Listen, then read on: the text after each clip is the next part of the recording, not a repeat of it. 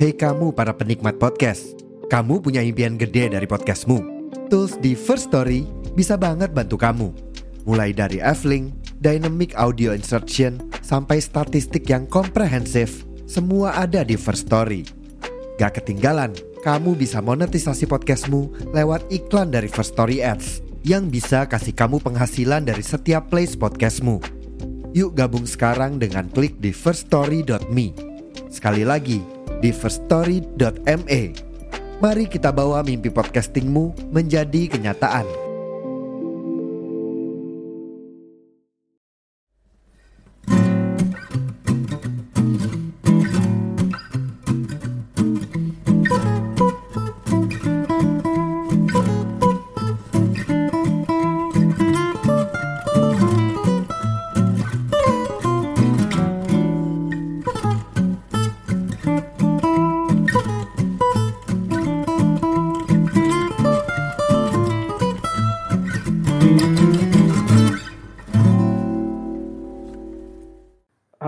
Tifosi, welcome back to Optis, obrolan para Tifosi sepak bola.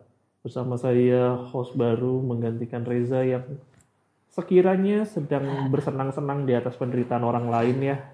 Sangat tidak bisa dimengerti saat eh, saudara-saudara kita sedang berperang, sedang tanahnya diambil, dia malah nonton konser yang mendukung LGBT. Sangat disayangkan ya. Demo juga kan tadi Di hari demo ini ada. hari ini. Jadi si Reja itu lagi eh, nonton Coldplay ya. Sungguh tidak tidak berperasaan ya anak itu. Di mana kita lagi ngetek. Hari ini kita ngetek sama Kang Randika ya tadi ya. Terus tiba-tiba dia bisa-bisanya bersenang-senang di atas penderitaan orang lain ya. Ya Itulah itulah Reja ya. Gak punya empati buat gue. Oke, hari ini eh, kayaknya buat gue udah nggak udah nggak terlalu relevan ya bahas hasil bisa nonton di pinball juga ya, pinsport ya. Ya, Jadi kasih di ya ngomongin pesawat di situ kita udah bahas. Ada Oki Rengga juga kebetulan.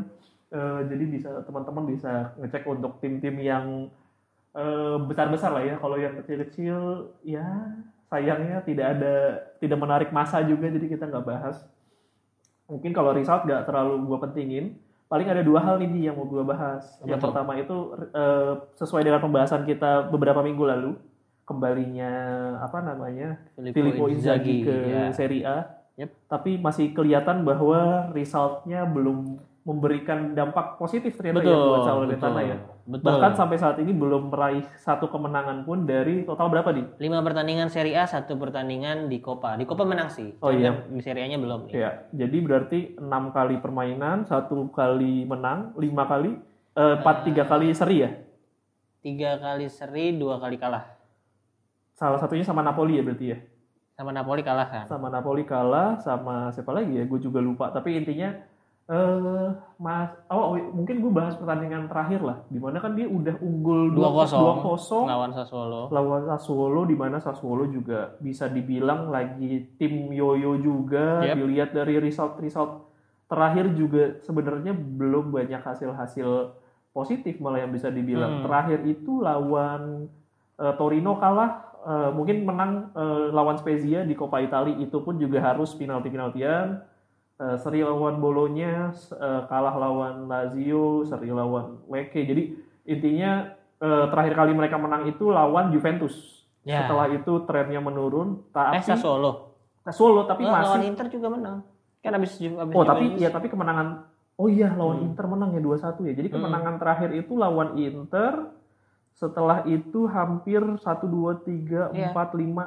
eh, di luar di luar menang penalti penaltian ya 6 7 7 pertandingan seri tanpa tanpa kemenangan. kemenangan Iya, seri dan kalah doang. dan Salernitana nggak bisa memanfaatkan momentum Mm-mm. udah unggul di eh, hampir 30 menit awal sebelum akhirnya digolin sama Torsfeld Oxford. Ya. Torsford pemain dari Baru juga. mana tuh Dia baru ya kalau nggak salah. Eh, gua nggak pernah lihat dia Gua sebelumnya itu sih. orang Norway dia. Norway ya kalau dilihat dari historinya sebenarnya dari musim lalu di dia Iya. udah cukup udah cukup konsisten juga 31 perma- pertandingan sebelumnya dia dari geng dari geng Iya itu dari eh, Belgia. dari Belgia geng. Tapi Hmm. ya di dulu sempat seklub sama ini eh, Viking, se- seklub sama pemain Indonesia. Siapa ya namanya? Di Viking ada pemain Indonesia. Sen Patinama. Sen Patinama, Patinama ya yang main Gua di. Norway, Viking. Ya pokoknya itu. Apa Sandy Walsh? Sandy Walsh itu kayaknya main di justru main di Belgia bukan di Norway. Iya di Belgia. Di Belgia bukan bukan bukan Cam, Hmm. bukan Mechelen, bukan Mechelen. Ini eh, Viking.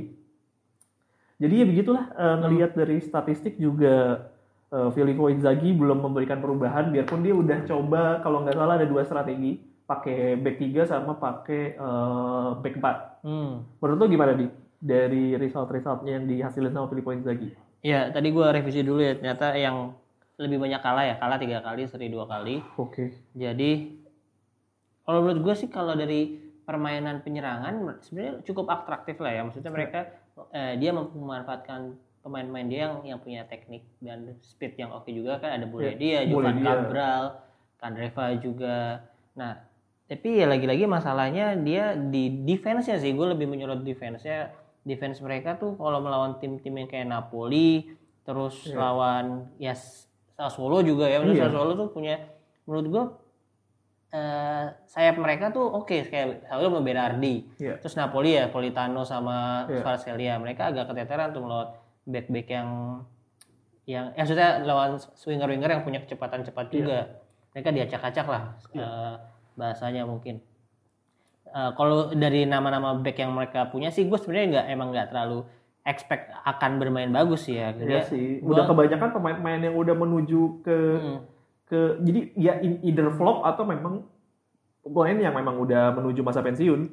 Mm, dan dan ya gue juga nggak ngerti emang karena beda kualitasnya apa memang Inzaghi juga nggak nggak terlalu mementingkan back eh, defense-nya gitu Iya, loh. iya, Jadi bisa yang jadi. yang gue lihat sih Inzaghi cuma mementingin kayak offense aja lah. Memang ya dia mantan penyerang gitu.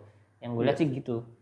Ya kalau dilihat dari list Ya, eh, paling Fazio lah yang mantan main Roma lah ya. Fazio Yang juga oke. tapi udah jauh menurun dibandingkan Fazio yang kita tahu zaman masih di Roma. Hmm. Pirola juga Ini man- yang mantan main Inter nih. Inter. Maksudnya ya, ya, ya dijual sama Inter. lah. Iya, Ma Mazzocchi itu awal-awal dia lumayan oke, tapi kes- makin ke sini makin eh, ngedrop. Lovato dulu sempat jadi starter, Norbert Kiomber juga sempat jadi starter, tapi nggak nggak terlalu bisa dibilang meyakinkan juga untuk lini belakangnya Salernitana. Jadi kayak eh, Gahar di depan, ompong di belakang gitu ya kalau kalau Iya, misalkan iya. kita ngomongin ya. Ya jadi eh, ya Ochoa kerja keras banget. Ochoa kan kerja lawan keras. Napoli kalau nggak salah 6 save dia Oh iya, ya.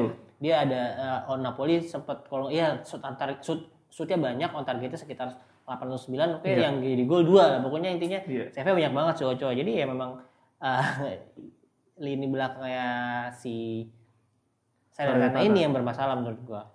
Apakah bisa bicara masalah strategi atau memang karena pemainnya aja kali ya? Iya menurut gue sih ya ada andil kualitas juga sih gimana gimana pun juga melawan tim-tim Serie A yang ya menurut gue se- secara eh, squad yang memang Salernitana yang salah satu yang eh salah dua salah tiga yang nggak oke lah di Serie A musim ini musim gue. ini ya. Iya. Kalau ngomongin musim lalu kan bisa dibilang mu- musim yang baik buat Salernitana juga sebagai tim Hmm, bisa dibilang debutan udah musim keberapa ini? Tiga tiga. Ini kayaknya ketiga deh musim Tiga udah nggak bisa dibilang debutan juga. Udah sebagai apa namanya incumbent ini per- per- apa namanya per- permainan yang mengecewakan di mana kalau Ochoa-nya off day ya Ya. Salernitana-nya off day gitu. Mm-mm. Sangat mengandalkan Ochoa yang di mana umurnya sekarang sudah 38 tahun. Mm-mm. tahun depan udah 39 eh, mas-mas ini masih diandalkan sebagai eh, tulang punggung lah tapi menurut gua ada eh, tapi Salernitana tetap nggak bisa kehilangan apa namanya nggak pernah kehabisan stok penyerang-penyerang yang eh, menarik gitu kayak terakhir itu dia ada Messi kan Ya. Cukwa Cukup Ikwa Ikuo apa? Messi Ikuo Ikuo Messi jadi ada Messi baru juga di Iya. yang lahir di Serie Ini A gabungan Chukwuemeze sama Messi. Nah iya Cuku Cukwueze Cukwueze sama sama Lionel Messi jadi Cuku Cukua Ikua Ikuo Messi. Messi Ikuo Messi jadi eh, mulai dia juga justru jadi diplot jadi agak lebih melebar. Gua nggak tahu eh, eh, si Jovan Cabral. Kandreva juga di Oh, iya. di posisinya Inzaghi sekarang nggak terlalu jadi eh, utama. Karena mungkin ya eh, menurut gua kayaknya karena permainan Salernitana yang sekarang lebih mengandalkan fisik ya. Fisik. fisik kecepatan. Jadi eh, Kandreva mungkin sudah eh, di awal mungkin masih jadi starter karena waktu itu Mhm. tipikalnya tiga empat dua satu kalau nggak salah Mhm. jadi Kandreva di plot di belakang striker tapi ya ternyata nggak terlalu bukan nggak terlalu sih lebih mungkin nggak nggak terlalu nggak efektif lah buat taktikalnya si eh, Inzaghi Ya. Tapi ya menurut gue Kandreva untuk seor- seorang Kandreva jadi pelapis di Salernitana buat gue sih kayak sayang aja gitu talenta yang yang besar untuk untuk ditinggalkan di bangku cadangan sih buat gue. Ya, ini kalau gue bacain sedikit dari Opta Analis ya untuk eh, statistik ya jumlah shootnya ini sampai saat ini Salernitana ini ada 95 shoot yang on target ya dari open play. Oke. Dari set play-nya ini di eh itu dari kalau dari dibandingkan tim-tim lainnya dia hanya di empat terbawah. Empat terbawah Ini berarti. posisi 17 ya. Eh, Iya. Empat Ya, terbawah berarti 18 eh, atau 20, 17 20, 19, 18, 17 ya. Iya 17. Sedangkan untuk dari set play-nya dia ada 33. Jadi ini ada di tengah-tengah nih. Jadi mungkin kalau yang gue lihat sih memang si Salernitana ini sangat mengandalkan dari shoot, shoot on tar- eh, luar kotak penalti. Luar kotak ya. penalti, Jadi dia sangat sulit untuk bisa masuk ke dalam kotak penalti striker-striker mereka. Jadi ya karena sangat sulit mereka terpaksa untuk melakukan tembakan-tembakan dari luar kotak penalti.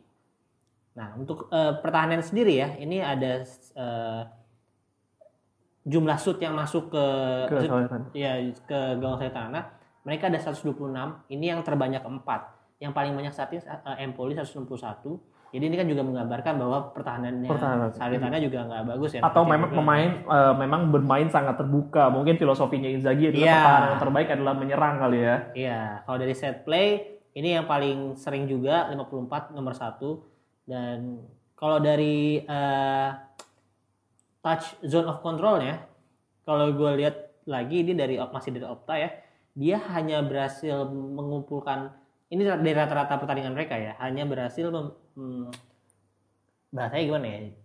Ada zona merah sama zona biru. Nah, zona biru itu zona yang dia lebih banyak megang bola. Nah, Oke. lebih banyak pegang bola itu cuman di depan kotak penalti Depan doang. kotak penalti. penalti apa depannya doang itu jadi nggak nggak sampai tengah pun mereka eh, Nggak bisa mendominasi. nggak bisa mendominasi nggak sampai setengah lawan mereka pun gitu Iya.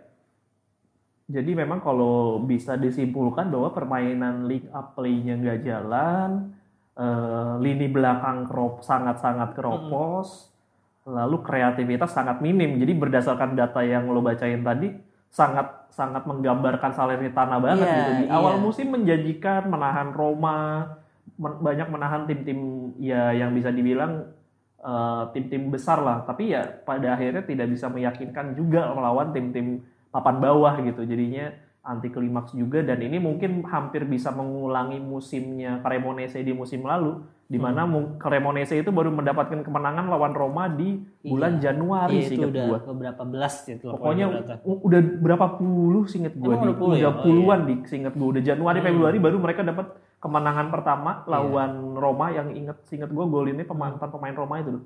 Yang pemain mudanya itu loh. Iya iya iya. Eh, Avenagian kalau nggak salah. Singkat gue oh ya. iya Venagian Avenagian jadi eh, ini mengingatkan gue dengan eh, eh, sal- apa namanya Cremonese di musim lalu. Di lima giornata awal juga eh, tidak ada kemenangan sama sekali. Cuma berhasil melakukan nahan Salernitana, nahan Udinese, kalah dengan Lecce, kalah dari Torino, nahan Frosinone dan kalah lawan Empoli. Hmm. Jadi ya memang anti klimaks banget Salernitana di musim ini. Ya gue berharap sih si Mo- eh, Filippo Inzaghi bisa menemukan eh, strategi yang bisa diandalkan karena kalau dilihat dari eh, kemenangan kan juga ternyata menang lawan Sampdoria biarpun tapi 4-0 kan menangnya itu ya menang 4-0 tapi mesti diakui Sampdoria di musim ini juga sangat-sangat eh, berantakan juga. Iya. Jadi eh, eh, rekan se- rekan set- mantan rekan setimnya di Iya. Milan juga masih belum menemukan performa terbaiknya di Serie B karena sekarang masih bertengger di posisi 15. Jadi kalau dilihat dari apa namanya dari performanya juga enggak gimana ya enggak enggak ada enggak ada perkembangan yang bisa dibanggakan lah ya. Ya, sejauh ini sih ya salah ya gitu. Golin juga baru 8 di Serie A. Kebobolan 24, salah satu yang terbanyak juga. Ya, jadi kalau dilihat dari statistiknya memang ya Inzaghi kayaknya masih perlu waktu juga sih. Ya gue juga nggak expect langsung bener-bener berubah 180 derajat sih emang kayak butuh ya mungkin kita lihat 6 sampai 10 pertandingan ke depannya nih. Ya maksudnya sampai pertandingan ke-6 sampai pertandingan 10 lah. Ini kan baru 5 pertandingan nih si Ya. Inzaghi. ya berharap berharap tapi ya gue nggak tahu deh seberapa kesabarannya manajemennya Salernitana ya karena ya menurut gue sih targetnya harusnya sih nggak nggak nggak degradasi aja untuk di depan tengah sih kayaknya udah agak sulit ya ya melihat at least keluar dari zona degradasi Iya. sih kayak waktu itu yang dia bisa lakuin di dua musim lalu di mana cuma beda satu poin dengan eh, zona degradasi. Iya. Seingat gue itu musim 2021 ya. 21 22 itu mereka cuma satu poin bedanya dengan Cagliari. Cagliari 30 poin, dia 31 poin. Itu zaman uh udah zaman masih dari Berry Di Berry masih masih. zaman masih Ribery. Ya udah eh, bahas Salernitana mungkin itu aja karena ya masih menunggu ma- magicnya seorang Filippo Inzaghi dan sekarang kita pindah ke klub kedua yang memecat pelatihnya di Serie A musim ini. Keempat. Oh keempat sorry, Sorry. Empo. Soalnya Sorry sorry. Pertama tuh Empoli. Empoli, Salernitana, Sama eh, Udinese Udinese, dan Napoli. dan Napoli. Jadi klub keempat yang memecat pelatihnya di musim ini dengan menurut gua performa yang sebenarnya bisa gua bilang masih sesuai dengan target. Ya. Karena target yang dikeluarkan oleh Rudi Garcia di awal musim adalah empat besar. Hmm. Di mana sebenarnya sampai saat ini pun Napoli masih Masih di empat besar. Di man, biarpun eh, tim-tim di bawahnya memang masih masih eh, inkonsisten juga di Atalanta yang harusnya bisa menang, Fiorentina yang harusnya bisa eh, mencuri poin dari terakhir lawan Napoli kan harusnya dia bisa eh, bisa langsung merangsak jauh ke atas kan. Tapi ternyata banyak inkonsisten kalah-kalah seri. Jadi aku terakhir lawan Cagliari menang, Roma pun juga mainnya masih hancur-hancuran. Justru yang mengagetkan ada Bolonya dan Monza di situ masih konsisten. Baru ada Lazio. Jadi banyak tim-tim di bawahnya juga yang inkonsisten. Tapi ya gue masih belum bisa. Padahal terakhir statement gue, gue berharap banget Rudi Garcia bisa stay sampai akhir musim karena gue masih melihat bahwa Rudi Garcia itu masih punya pola ya. Masih ada masih punya pola yang ingin di deliver dengan dengan tacticalnya dia Hmm. tapi sangat disayangkan terakhir lawan Empoli tim yang baru musim ini baru tiga kali menang ternyata kalah kalah memilukan Ya, menit di 90 plus 5 Iya.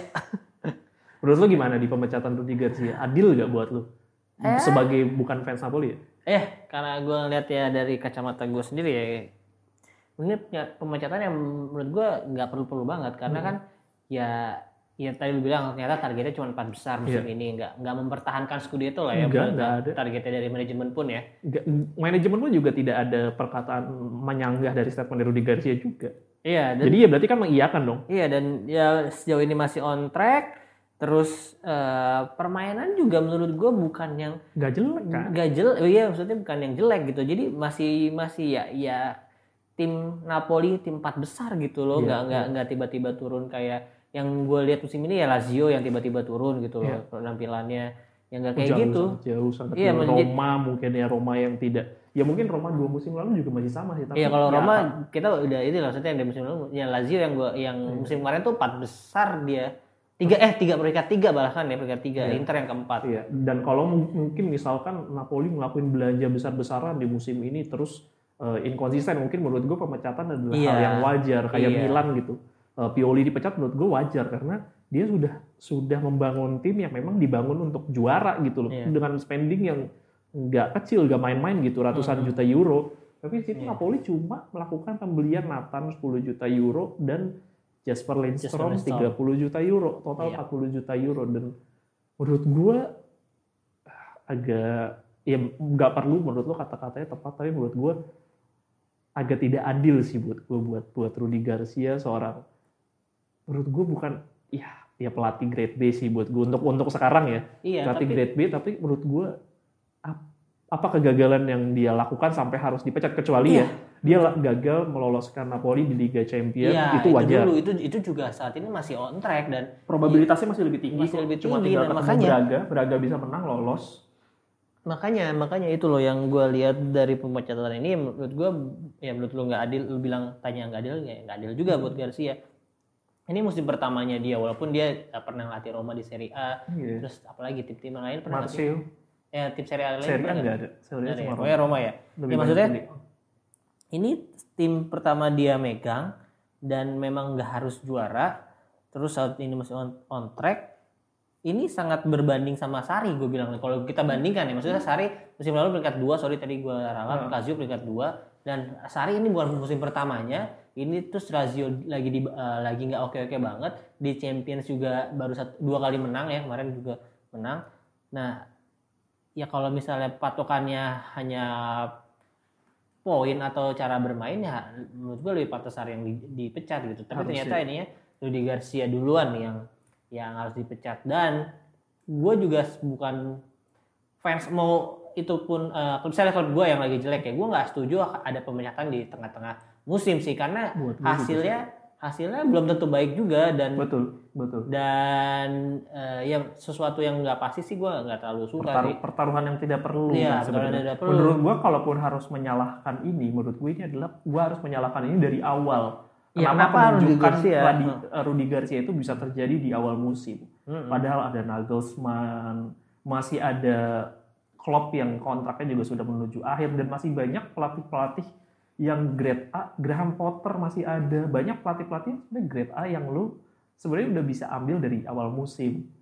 Seingat Hmm. gue dia ada berapa belas pelatih yang dia sudah shortlist dan lucunya yang diambil adalah Rudy Garcia yang seingat gue terakhir di Al Nassr juga ribut sama Ronaldo. Berarti dia adalah pelatih yang nggak bisa mendapatkan suara di ruang ganti.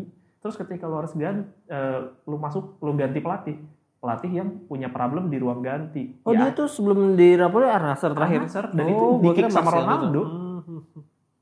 Jadi ya nggak salah-salah amat Ronaldo problematik. Berarti di sini bukan Ronaldo yang problematik, berarti Hmm. bisa jadi Rudy Garcia. Dan menurut gue ya teori teori konspirasi gue karena ini kan belum belum pernah ke rilis sebelumnya, tapi ada ada teori pendukung karena eh, teori konspirasi gue adalah Rudy Garcia memang bermasalah dengan ruang ganti. Apa yang terjadi di lapangan kayak merefleksikan pro- problematikanya dia di ruang ganti. Karena gue baru nonton di E IFTV ada wawancaranya E IFTV sama Osimen. Bagaimana eh, rasa cintanya Osimen dengan Spalletti. Bisa dilihat di statement-statement ada. Salah satunya adalah eh, Spalletti itu tujuh bulan tinggal di eh, ruang pelatih gitu. Tahu kan lo ruang Ya. ruang pelatih. Jadi dia tujuh bulan nggak keluar. Ruang pelatih cuma di ruangan itu doang. Hampir tujuh bulan dan ada beberapa statement dia yang punya kayak kayak eh, sangat kehilangan sosok Spalletti di di ruang ganti ketika dia harus keluar dari Napoli. Jadi menurut gue statement-statement itu juga merefleksikan bagaimana Rudy Garcia tidak bisa memenangkan eh, apa ap- gagasan dia tidak bisa dimenangkan di ruang ganti sih. Itu mengakibatkan juga mungkin pemain juga banyak yang berontak. Dan menurut gue ya hal-hal yang seperti itu sih buat gue adalah tindakan yang kekanak-kanakan dan pengecut sih buat gue ya. Dengan maksud gue kalau hal yang kayak gitu terjadi itu biasanya timnya nggak pernah sustain sih. MU sering banget eh, Iya. ngelakuin pemberontakan di ruang ganti. Pemain-pemainnya memberontak pada pelatih yang ujung-ujungnya timnya juga nggak nggak bergerak ke arah yang lebih baik juga. Ya Madrid juga gitu sama Mourinho sih tapi ya menurut gue hal-hal yang kayak gitu nggak pernah membawa lu ke, ke ke sesuatu yang lebih baik gitu. Ketika lu ngelakuin pemberontakan itu dan diturutin diturutin jadinya nggak. Pem- ego pemainnya jadi lebih besar daripada klubnya itu sendiri sih buat gue ya. Ya. ya Iya sangat disayangkan aja. Karena ya dibilang gua suka dengan Rudy Garcia sebagai pelatih tentu tidak jawabannya. Tapi kalau harus menyalahkan menurut gua gua menyalahkan penunjukan Rudy Garcia dari awal sih. Jadi eh, apa yang lo lakukan gitu apa yang lo harapkan mengambil pelatih mediocre pelatih gagal di di Roma gagal di Al Nassr yang Iya. lu punya tim dengan mega bintang tapi itu pun juga lu nggak bisa nggak bisa memenangkan apa-apa terus lo ambil gitu kayak itu aja menurut gue agak gila dan menurut gue sih teori konspirasi yang kedua adalah ya Aurelio De Laurentiis dengan God kompleksnya dia sih kayak dia merasa jadi orang yang berjasa buat menaikkan klub jadi apa pun yang dia tunjuk dan dia lakukan adalah semata-mata apa ya ini adalah langkah yang benar gitu. Yang gue lakukan adalah langkah yang paling benar. Padahal menurut gue ini membawa keja eh, membawa kejatuhan klub itu sendiri sih buat gue keputusan yang dia lakukan dengan ngambil Garcia itu menurut gue ngebawa Napoli justru nggak kayak busur panah untuk mundur jadi melangkah lebih jauh. Justru ya jatuh aja gitu menurut gue dan untuk merecover untuk mengembalikan Napoli ke, ke konsistensinya di awal menurut gue jadi butuh waktu yang cukup lama sih. Mungkin satu musim dua musim mungkin bisa lebih lama lagi gitu. Kayak jadi kayak lu bikin rumah Lego lu hancurin. Jadi lu bikin dari awal lagi gitu. Bukan Iya. lu eh, lu ngancurin sampai pondasi-pondasinya. Karena harusnya ketika lu ngambil penunjukan pelatih ya buat gue kayaknya either lu upgrade pola baru atau lu ya bikin baru dari awal scratch dari awal. Kan kan yang dilakuin sama Rudy Garcia sebenarnya ingin Melanjutkan aja. melanjutkan improve improve tacticalnya. Tapi itu pun juga nggak berjalan sama sekali. Hmm. jadi ya justru menurut gue dia malah pengen jalanin idenya dia. Dan kelihatan bahwa pemain juga banyak yang nentang idenya dia. Jadi ya sudahlah berbahas Rudy Iya, Garcia. Tapi- kita bahas new Ya era. ini yang yang justru jadi gua pertanyakan banget ya maksudnya penggantinya adalah Walter Mazzari. di mana sebenarnya kalau lo lihat dari dari Ya Kode-kode. adalah pelatih asal Kroasia itu ya. ya kayak De Laurentiis nge-tweet bahasa Kroasia selamat Hmm. pagi semua pakai bahasa Kroasia kita kira sudah Igor Tudor lah jawabannya ternyata masalahnya kan Igor Tudor juga taktikalnya empat tiga dua satu atau empat tiga tiga Iya maksudnya yang masih masih inline lah ya. inline dengan pemain-pemain yang di yang ada di Napoli saat ini dan Iya. yang pelat dari pelatih sebelumnya. Nah sekarang tiba ya, Walter Mazzari yang menurut gua biasanya dia main dengan 3-4-2-1 tiga atau empat dua satu tiga empat tiga Iya, dan tiga memang empat di eranya Napoli hampir 70 persen 80 persen taktikalnya dijalankan dengan tiga empat dua satu tiga lima dua tiga lima dua flat kadang kalaupun harus 4-3-3 hmm.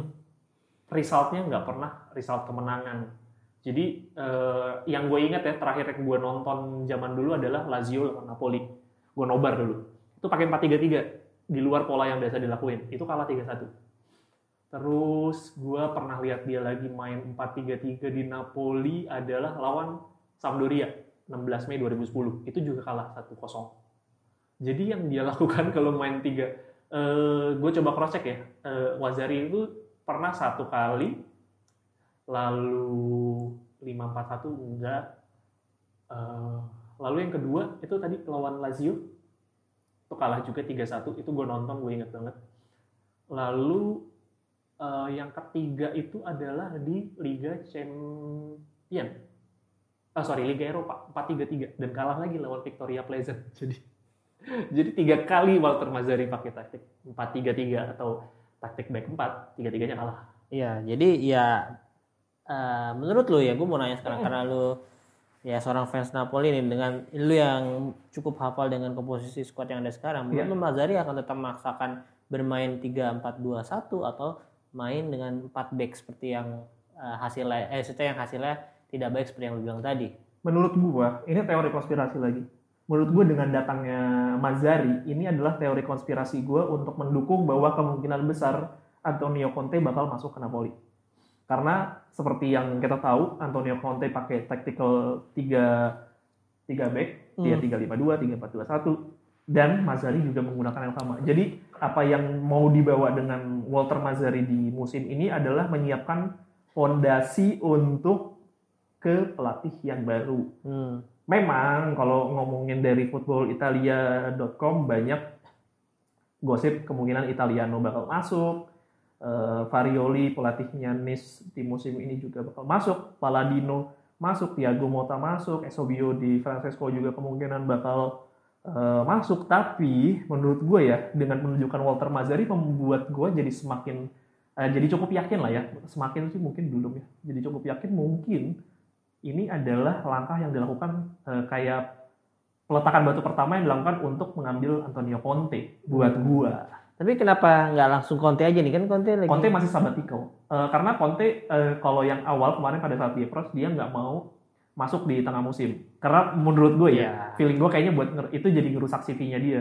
Masuk Iya. di tengah musim kan tidak ada jaminan bahwa tim lu bakal jadi lebih baik juga. Terus performa lu jadi jelek, si CV lu juga jadi jelek.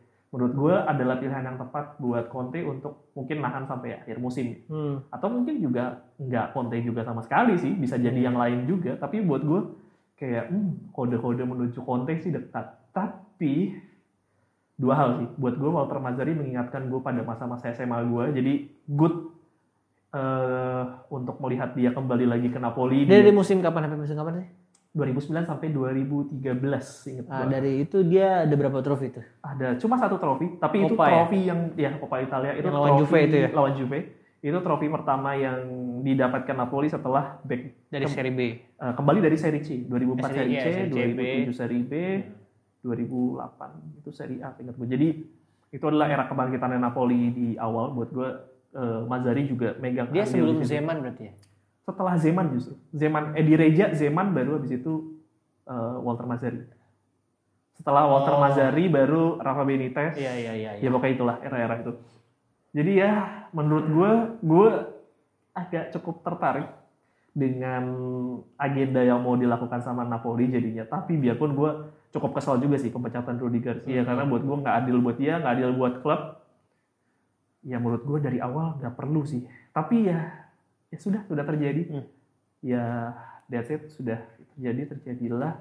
Tapi ya gue cukup penasaran dengan taktikal yang bakal dibawa sama Iya iya iya. Juga. Walter Mazzari, apakah dia bakal menjalankan idenya dengan 3421 atau 343? Melihat bahwa sebenarnya tim-tim yang musim ini dikdaya adalah tim-tim yang pakai tactical 3 back kan, Juventus, eh, Inter. Ya itu mesti diakui memang dua tim itu sekarang lagi lagi menguasai Italia di musim ini kan. Hmm.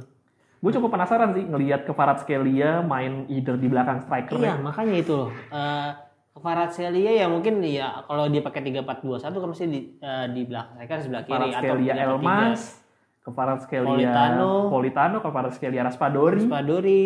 Nah, jadi kan eh, banyak kan lebih sering pakai striker tunggal ya berarti ya. Ya kalau menurut gue Osimhen cocok, tapi ya Simeone juga. Nah, Sebenarnya ya, cocok. Gue cuma penasaran bagaimana kelanjutan role-nya seorang eh seorang Lobotka. hmm, Karena iya, iya. menurut gue ya Lobotka sebagai pemain defensive midfielder itu kan sebenarnya pemain yang diciptakan untuk menutup lubang-lubang yang terjadi di area central uh, back dan pemain-pemain sayap. Tapi ketika lu main di back 3, ketika pemain sayap maju, pemain back uh, di belakang itu kan bisa nutup posisi ya. Jadinya posisinya Lobotka jadi lebih tidak efisien untuk menjadi penutup lubang di belakang. Jadinya butuh pemain gelandang yang lebih bisa menarik ke depan. Nah, gue cuma cukup penasaran bagaimana role-nya Lobotka nanti pada saat di eranya Mazari. Apakah jadi menurun dan tidak terpakai? Tapi ataukah justru jadi role baru yang menurut gue jadi lebih lebih membuat taktikalnya lebih cair gitu. Hmm, hmm. Karena kalau gue justru lebih ke Zielinski karena Zielinski ini kalau di yang sekarang kan dia sebagai eh, lebih sering sebagai ya AMF-nya lah. Nah, Nah kalau sekarang kan nggak pakai AMF ya berarti pakainya ya dua dua entah itu dia CM atau satunya Hmm. bisa DM sama ya depannya duanya SS kan. Nah Hmm. Zielinski ini kalau misalnya ditaruh di CM agak ke belakang sejajar Hmm. dengan Hmm. ya, empat pemain sejajar itu apakah dia bisa oke gitu. Sedangkan kan dia kalau gue lihat sih lebih lebih attacking. Ya, justru menurut gue malah eh, role-nya dia bakal bakal mengingatkan gue kembali lagi dengan role-role midfielder yang melakukan tendangan jarak jauh dari luar kotak penalti sih. Hmm. Jadi mengingatkan gue kembali sama eh, Blerin Zemaili, Hmm. Gokan Inler, Marek Hamsik. Marek Hamsik kan sebenarnya attacking midfielder tapi kadang juga Iya. bisa ditaruh sebagai central midfielder.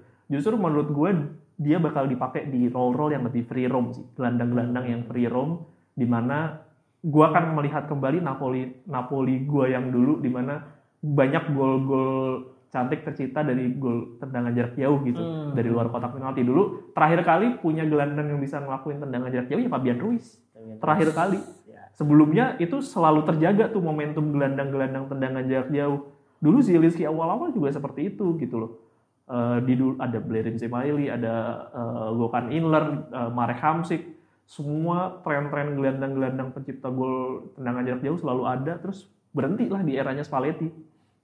Eranya Gattuso Spalletti itu udah nggak ada. Jadi ya gue cuma penasaran aja sih role-nya itu seperti apa. Dan gue cukup penasaran eh bagaimana ngelihat Giovanni Di Lorenzo nanti ya di skema skema back eh, Saya eh, jadi back- apa, lah ya midfielder lah ya Mm-mm. gelandang lah ya. Apakah dengan dia berubah role gitu memupuskan harapannya untuk kembali jadi reguler Timnas. di timnas karena mungkin eh, Calabria secara role akan jadi lebih kepake di sana. Ya gue coba penasaran itu lalu di kiri gue juga penasaran Oliveira atau Mario Rui ya yang bisa back-back yang biasa lebih narik ke belakang bagaimana cara dia bertransisi. Gue sangat-sangat penasaran dan kalau memang harus back 3 siapa yang bakal mengisi satu slot lagi gitu? Iya, entah itu apakah Juan Ostigard, Jesus, apakah kalau memang John Jesus menurut gue ya matilah Napoli gitu Mhm. karena transisinya dia juga sangat buruk positioningnya juga gue nggak terlalu suka biarpun di serangan lumayan oke mungkin Ostigar tapi Ostigar gak terbiasa pakai back tiga begitu. Rahmani mungkin udah terbiasa Iya. tapi Nathan gue nggak tahu. Jadi ya gue sangat penasaran sih. Ya, ya kalau gue di Lorenzo, kalau gue menurut menurut gue ya di Lorenzo sepertinya bisa ya karena ya kalau di posisi ini kan eh, ya lu lebih dituntut maju mundur sama baiknya gitu. Iya. Yang ya kalau dulu mungkin zaman-zaman dari sebelumnya ini ada Maggio, Iya. kalau di kirinya Zuniga. Zuniga betul. Nah itu ya menurut gue sih bisa ya eh, dia bermain di posisi dengan baik gitu karena ya sebagai RB pun ya sebelumnya maksudnya di Rudi Garcia dan Spalletti dia udah sering melakukan itu dia sering overlap maju ke depan dan kadang ya dan saat defense pun jarang dia ketinggalan lah menurut gue jarang lah dia Iya masih punya fisik itu, cuman ya mau sampai berapa lama. Dan menurut gue ini Nah. jadi jadi blessingnya untuk eh siapa pemain kanan Napoli? Zanoli. Zanoli, karena Zanoli di Sampdoria sudah terbiasa dengan Iya. tactical eh, 352. Hmm. Jadi menurut gue Zanoli akan jadi salah satu pemain yang cukup beruntung dengan Hmm. hadirnya Mazzari. Dan kalau tadi dulu ngomongin timnas juga kayaknya masih bisa-bisa aja lah karena ya di Marco juga di Inter kan sebagai left back tapi di timnas masih juga dipakai. di LB juga kan jadi ya kayaknya eh, di Lorenzo masih aman lah kalau untuk formasinya Mazzari Iya. besok. Ya dan taktik dan secara secara historical ya ngomongin Mazzari eh, sebenarnya eh, sejarahnya ini jadi kepulangan Mazzari ketiga kali di eh, maksudnya reuni ketiga kali karena dulu pertama itu di, pertama kali jadi kepelatihan itu adalah asisten pelatih Asisten, di betul. Napoli tahun 98-an Hmm. ini kedua gitu medio 2009-2013 dan medio terakhir itu adalah ya kali ini yang memang kontraknya cuma sampai akhir musim ya menurut gue sama masih sama kayak tadi ini pondasi dan zaman eh, di 2009 dan 2013 eh, poin per gamenya menurut gue tidak terlalu mengecewakan dari 128 pertandingan 1,74 eh, poin per game yang yang di mana buat gue untuk sekelas tim Napoli dan satu gelar Ya 80, dulu. Napoli yang dulu ya. Napoli yang dulu sangat-sangat oke gitu, 89 kemenangan, 49 draw dan 44 hasil eh, kekalahan, 296 gol dan 208 kebobolan. Hmm. Untuk tim yang bermain eh, cukup defensif sebenarnya eh, raihan gol dan kebobolannya sih agak dipertanyakan, tapi ya Napoli era itu buat gue ya back tiganya itu menurut gue jauh lebih deg-degan dibandingkan the back sekarang gitu loh Hmm. dulu itu kanannya Campagnaro, Campagnaro mungkin oke lah. Paulo Cannavaro tuh sering ngelakuin blunder. Kirinya itu Aronika, Pak. Aduh, Siapa tuh? Aronika, Oh, Salvatore tahu Aronika. ya. Mas-mas dulu pernah ribut sama eh, Ibrahimovic. Gua nggak Iya, tahu. pokoknya intinya lo aja sampai nggak tahu sebegitu menakutkannya eh, back Napoli untuk fans Napoli itu sendiri. Jadi wah kacau Pak dulu lo kalau tahu kalau setiap kita nonton Napoli itu ketika diserang itu kayak wah dia pasti kebobolan gitu karena saking menakutkannya back-backnya Miguel Angel Brit Miguel Angel Britos dulu di Ah, Napoli. Britos sama Albiol gue. Jadi dulu Albiol udah, Albiol udah mendingan, sini, Pak. sini ya. Britos dulu jangkung tinggi, kurus tapi jadi kayak Hmm. nggak meyakinkan. Terus ada Rolando kalau lo tahu. Iya, Rolando tahu, yang Pak. sempat dibeli Juve tapi nggak jelas juga. di Inter Inter. nggak pernah Juve kayak Inter deh. Juve pernah dulu Iya, Inter. Rolando, Rolando seingat gue pernah. Nah justru itu fase yang orang nggak pernah tahu karena Hmm. sebusuk itu pak. Eh, Guan Gianluca Grappa, Gianluca Grappa itu sekarang jadi head head of youth-nya Napoli. Hmm. Nah, dia itu sebenarnya dari seri C, jadi di, tetap dipertahanin dulu sampai terakhir karena dia bisa membangkitkan mood di ruang ganti, cuma itu doang. Nah, tapi kalau main tinggi cuma 178 apa 177, jadi kecil gitu, tapi ya kayak maskotnya di tim. Dulu terus juga ada Mesto, Giacomo Di Mesto itu kadang bek kanan, kadang eh, bek tengah. Jadi ya dulu backnya kita mengkhawatirkan, tapi kalau sekarang sih buat gue gue cukup yang gue khawatirkan adalah apakah mereka bisa beradaptasi dengan gaya back tiga itu sih Hmm, hmm. Tapi sangat sangat menanti sih gue eh, bagaimana eh, jalannya jalannya karir seorang karir mencoba ribet karirnya seorang Walter Mazzari yang di mana juga di Ju- eh, di Inter juga bisa dibilang sebagai medio yang baik juga di buat Inter nggak nyampe setengah musim dia berapa pertandingan doang dan 58 pertandingan eh se- sebenarnya cukup lama sampai satu setengah musim Oh iya, nggak salah setengah Satu musim. setengah Yang musim. yang musim keduanya itu sangat buruk, jadi sampai digantikan kalau nggak salah itu sama sama Cioni. Kalau nggak salah Stramaccioni ya, Andrea Stra- Stramaccioni. Iya, jadi eh ya ingatan gue tentang Mazzari di Inter ya, karena gue juga pernah dilatih adalah yang paling ikonik adalah dia gigit botol warna hijau. Karena? Yang ada kesel aja dia gak tau kesel kenapa. Gigit botol warna hijau itu dia nggak lempar botolnya terus dia gigit warna hijau. Terus juga kalau ketemu nggak banyak lawan- maksudnya maksudnya ketemu lawan Napoli pada saat di Inter itu nggak pernah menang. Satu Iya. dua kali seri satu kali kalah iya Mazzari dua kali seri satu kali kalah. Jadi ya mungkin masih ada kenangan manis kali ya. Tapi di sini gue lihat ada skor pernah menang 7-0 nih lawan Sassuolo. Sassuolo. Iya Sassuolo masih awal-awal baru eh, naik ke Serie A itu. Sassuolo. itu hat trick Sassuolo bolak-balik lagi. Dua 7-0. kali iya dua kali. Gila.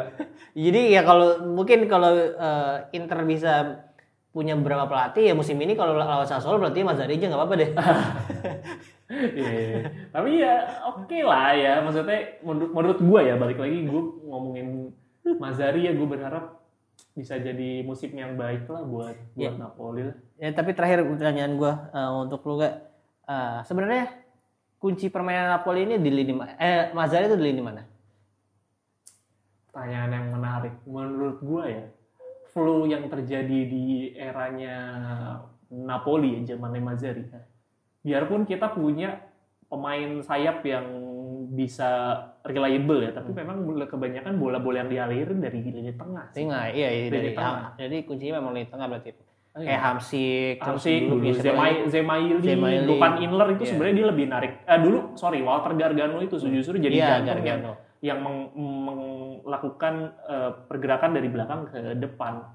Ya, dia tuh salah satu gelandang yang nggak terlalu banyak diomongin dan diapresiasi sama Iya. fans Napoli. Padahal menurut gua role-nya El Pota itu dipanggilan namanya El Pota karena kepalanya kayak pot. Iya. Dan ya berat, eh, dan make sense karena pemain itu dibawa dia ke Inter. Iya, Walter Walter Gargano. Hugo Campagnaro. Iya, berarti itu salah satu pemain-pemain penting bagi dia lah Iya, ya. itu itu bisa bisa kita bisa menilai itu dari dari transfer yang dilakukan Iya. sama sama pelatih biasanya. Jadi ya begitulah menurut gue. gue masih berharap eh, Napoli di musim ini apa pun yang terjadi buat gue, gue jadi lebih ingin menonton karena mengingatkan gue dengan karena apa pun yang terjadi, kenapa gue suka sama Napoli dari awal karena tim underdog gitu loh. Iya. Ketika Napoli kembali lagi jadi tim underdog yang sudah mulai diremehkan orang lain, diremehkan banyak sama fansnya sendiri, menurut gue itu jadi kesenangan sendiri buat gue untuk gue bisa nonton, menikmati Hmm. eh, momennya lagi, menikmati ketidakberdayaan kita sebagai fans di di mana tim kita bapuknya setengah mati. Jadi ya semoga gue bisa menikmati Napoli lagi di musim ini seperti gue ketika zaman SMA dulu. Oke, begitu sekian dari kami, dari Aldi dan juga dari Rangga. Apa di Jelci? Bukan gimana deh? Apa?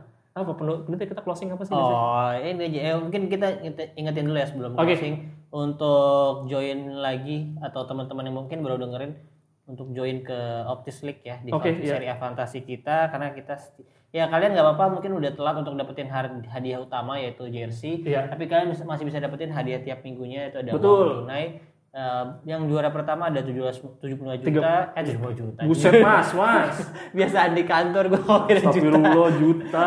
dua ribu Belum siap. lima puluh ribu dan dua puluh ribu jadi ya lumayan lah ya Ya maksudnya kalau lo bisa menang 10 kali 750 ribu bro. Maksudnya dan udah udah banyak kok yang menang berkali-kali gitu loh. iya Jadi iya. menurut gua lu hincar hadiah mingguan juga oke, Iya. tapi kayak periode paruh dua juga masih bisa Masih berjalan. bisa ya, iya jadi sih. lu masih bisa. Jadi di paruh kedua, jadi paruh pertama kita hadiah hadiah pertamanya jersey, di paruh kedua itu di eh, reset lagi berarti jersey satu untuk eh, apa namanya? Untuk yang juara paruh kedua dan jersey satu untuk yang Juara menang di akhir musim. di gitu. Jadi musim poin ya. terbanyak di akhir musim. ya betul betul betul ya udah Tapi ya syaratnya gitu ya yang udah menang, yang udah menang jersey eh, tolonglah kasih kesempatannya.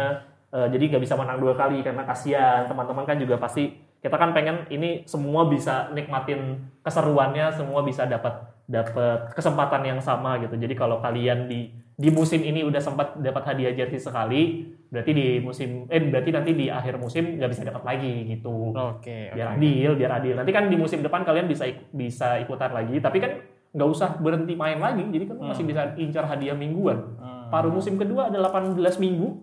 Ya. lu kalau menang 18 18 nya kan lu bisa kali aja gitu. 50 ribu lu kali 18 aja udah 900 ribu. Betul. Mana lu yang menang juara satu? Jadi nikmatin. Ya ya udah. Untuk sekali lagi kita- terima kasih untuk teman-teman yang sudah mendengarkan. Arrivederci Forza Optis. Bye bye